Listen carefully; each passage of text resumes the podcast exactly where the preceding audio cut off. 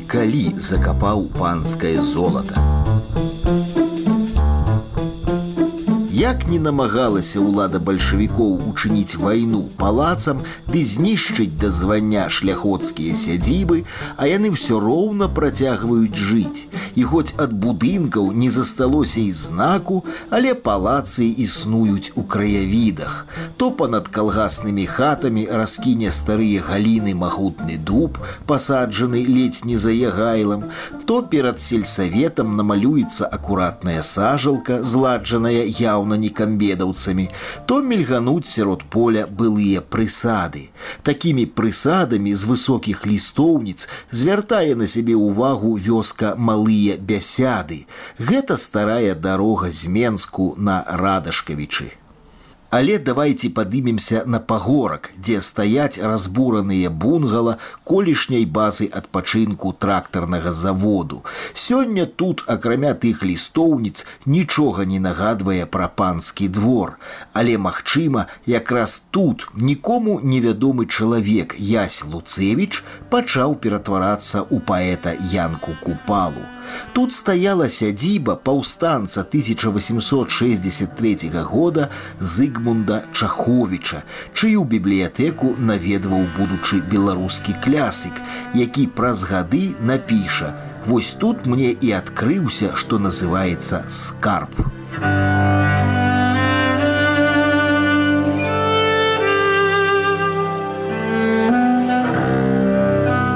Аглядаючы невялікую сажалку, апошняе, што засталося ад сядзібы ў нязменным выглядзе, я разгаварыўся са старым, які праходзіў побач. Уладзімир Легімович апошні з карэнных бесядаўцаў. А вы, вядома ж, ужо не памятаеце. Купалу. Не, не купалу, а хаця бы панскую сядзібу Чаховіча. Ну, Памятаю, якая была. Тут уже больница тады была на яго доме, дзе Чаховіч жыў. А что про его люди казали, про Чаховича? Говорили старики, что и хлеба давал, и с коммунистами связника была, имел он, и Янком Купалом, приходил сюда, до его библиотеку Янка Купала с Харуженцев. Говорили, хороший мужик был, не скупый.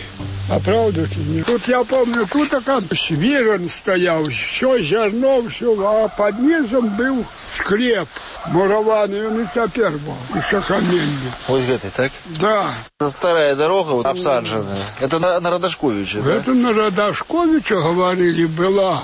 И ездил он там ці тройка, ці сямерка, пан гэты Чахович, на конях. У кнізе краязнаўцы ігора гатальскага я чытаў, што непадалёк ад сядзібы па другі бок даўгінаўскага тракту у лесе ёсць штучнае возера, калісьці выкапанае чаховічамі для купання. Ёсць, тут круглик называется, ну заросло.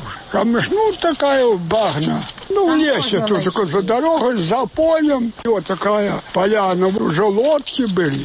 Так? Катался, панцы, кто тут. Саму сядзібу разбурылі ў 1936 годзе. Такі закон быў паноў раскулачваць выганяць. Прыязджалі некалі, але гадоў з 20 яго ўнучкі там шукалі, дзе тут гэта. Ну паказалі ім, дзе гэты дом быў. Красота была, а цяпер што? Тундра робіць. Я, паблукаўшы па лесе, усё ж знайшоў тое чаховіцкае возера. Сёння яно нагадвае зарослае балота, але не страціла сваёй паэтычнай таямнічасці, якая натхняла купалу. Дрэмле абсаджана лесам адвечным, цінай засланае возера ў лесе, шастае сціха асока і аер, нудныя казкі куст з кустам шапоча, сосны і вязы, дубы і асіны, вокала возера вартай пасталі, долу ківаюць паклоны нямыя, небу малітву таемную твораць.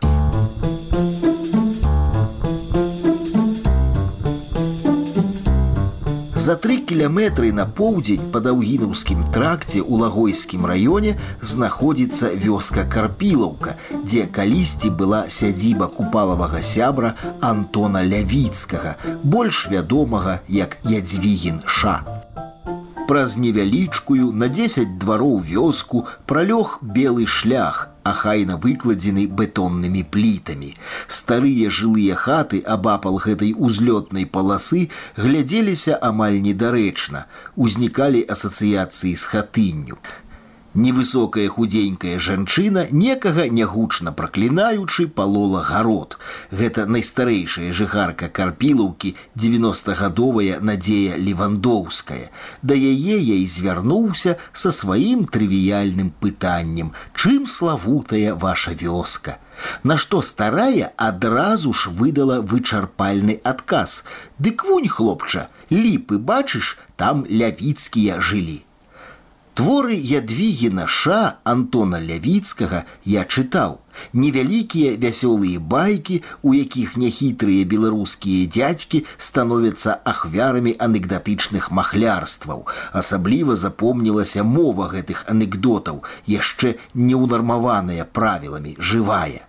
Спадарыня надзея паскардзілася мне на нейкую менскую прайдзісветку, што пад выглядам чагосьці каштоўнага за вялікія грошы прадала ёй амерыканскае насенне, а яно прарасло нянаскай прыгажосці жоўтымі кветкамі заморскага пустазелля, над якім бабка ўжо трэція суткі гнула спіну, праклінаючы тую Амерыку, што спачатку абдаравала нас калярадскімі жукамі, а цяпер гэтай гэтай жоўтай трасцай. Я ж, удаючы спачуванне, з насалодаю слухаў яе, дзівячыся, што першая пачутая мной карпілаўская гісторыя была нібы з ядвігінскага рэпертуару. Старая распавяла, што дом лявіцкіх быў прыгожы, з бальконам і рознакаляровымі вакенцамі. Але як НКВД забраў удаву і сыноў, дом так і стаяў пакінуты. Пасля яго некуды прадаў калгас, і карпілаўскія мужикі доўга рылі падмуркі, шукаючы панскае золата якое супадзенне золата менавіта так называўся першы беларускі роман напісаны гаспадаром зруйнаванай сядзібы ў 1920 годзе і што няўжо знайшлі пацікавіўся я а махнула старая рукой не там відаць шукалі трактары прислали все зраўнялі а так тут былі падмуркі ўсё і падмуркі зраўнялі Разбурили, разровняли, засыпали землей. Золото нойдут у пана. Я говорю, что он дурный золото кинуть ховать, он без собой забрал золото, как было. И никто не запросил, воросы звернули, там был погреб, еще оставшийся. Все звернули, зравняли, там тільки трошки бугорок, видать. Семья Левицких, яны жили богато ці бедно. Это. Какое у них богатство было. Я же помню, что земли вот это вот, видите, вот стоят деревы, это липы стоят, это их сад был. Сад был большой-большой. Ну, яблоков было, рыночки такие уже красивые, папировки. Таких у их кислых зимовых не было, а такие. И груши были, все. И все мой батька, помню, сторожил, ну, на работу ходил, а вечером там уже сторожил, как станут яблоки. Так возили вазами, Гэтыя яблоки у Минск продавать. Даже я ездила. Сладкие-сладкие такие. А в 39 году мороз да ўсё выбрасіўся. Старая раптам змяніла тэму. А Паўлінка гэта, гэта жила там нельзя ж под сухой город. Была такая дзяўчына? Ну, Паўлінка, ну, гэта, і назвалася Ядвічка. А гэта хадзіў тады Янка купала за яе, ну, вот і зложили гэту под столом. Янка купала некрасивый был некрасіво замка ж вони гэта, яго гэта статуя гэта стаіць гэтай камені я ён вылеты дык гэта дык ён некрасивый а она была красивая а он же кажется Янка купала в Москве з лестницы зваліўся напіўся забіўся правда ці не кажуць забілі забіўся з лестницы сам п'яны кажуць у нас гэта гаворыць у вас гавораць так, так. напіўся п'яны быў і скаціўся і забіўся з лестніцы а жонка ж ўсё была асталася Пасля такіх словаў міжволі адлятаеш кудысьці ў 1950 год, калі па наваколлі была пушчаная гэтая плётка пра п'янога купалу, які скаціўся з лесвіцы.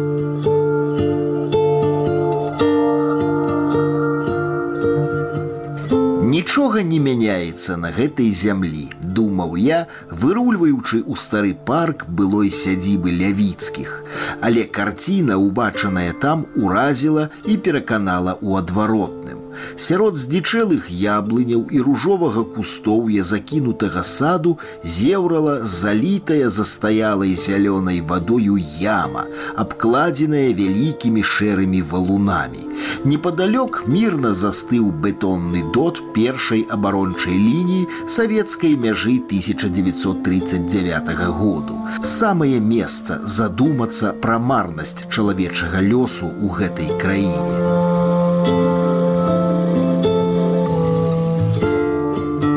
Нарадзіцца праз пяць гадоў пасля вялікага паўстання, вучыцца ў нелегальнай люцынскай школцы адной з дачок Дунін Марцінкевіча, доўгімі завейнымі вечарамі слухаць дзіўныя гісторыі з вуснаў легендарнага гаспадара, затым паступіць у маскоўскі універсітэт і быць адлічаным за палітыку, пачаць пісаць па-беларуску ў бутырскай турме, вярнуцца да хаты на папялішча згарэлага дому да аўдавелай маці, ажаніцца, пабудаваць паводле ўласнага праекту новы дом з мансардаю і камінам, абсадзіць яго ружамі і садам, прайсці пешшу ад вільні да карпілаўкі, збіраючы і друкуючы ў нашай ніве непрыдуманыя байкі яшчэ вясёлага люду, пачаць пісаць першы нацыянальны раман, увайсці ў раду БНР, паўдзельнічаць у паўднёвым паходзе генерала Булак Балаховича,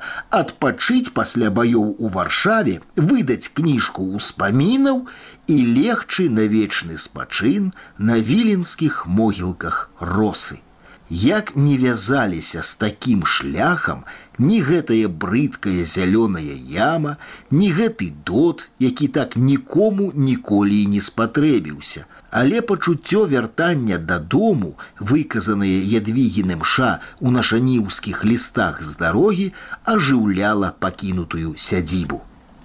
Ну, але годзе ўжо гэтай гутаркі, годзе гутаркі на сягоння, а цяганіны на сёлета. Вось бо ўзгорак, а там у долі векавыя дубы, ліпы стаяць, мае дубы, мае ліпы. Сад відаць, мой сад, А ўжо пры самым лесе паміж розных дрэў выглядае дамок, мой дамок, мой. Апісаць вам яго, Як жа я апішу, калі ён мой Бягу ляту да яго бывайце здаровы.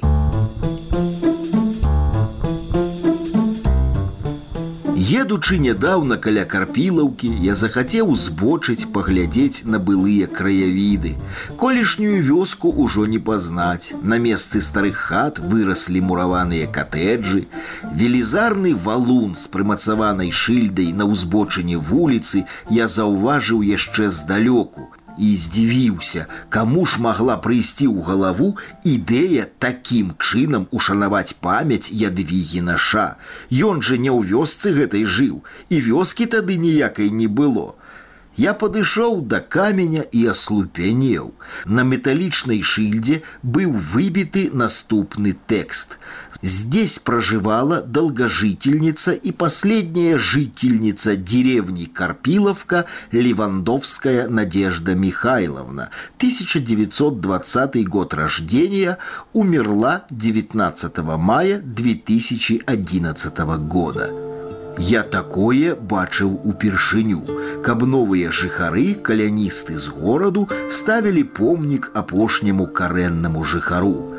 Тое, што ўшанавальнікі не абралі для памяткі мову шанаванага магіканіна, выглядае сімвалічна. Атрымаўся помнік той, для каго беларуская мова была матчынай і адзінай. Манумент апошняй светцы былога Дзе паўлінка была не персонажам, а суседкай. Помнік чалавеку, без якога навакольны краявід згубіў свой натуральны голас. Thank you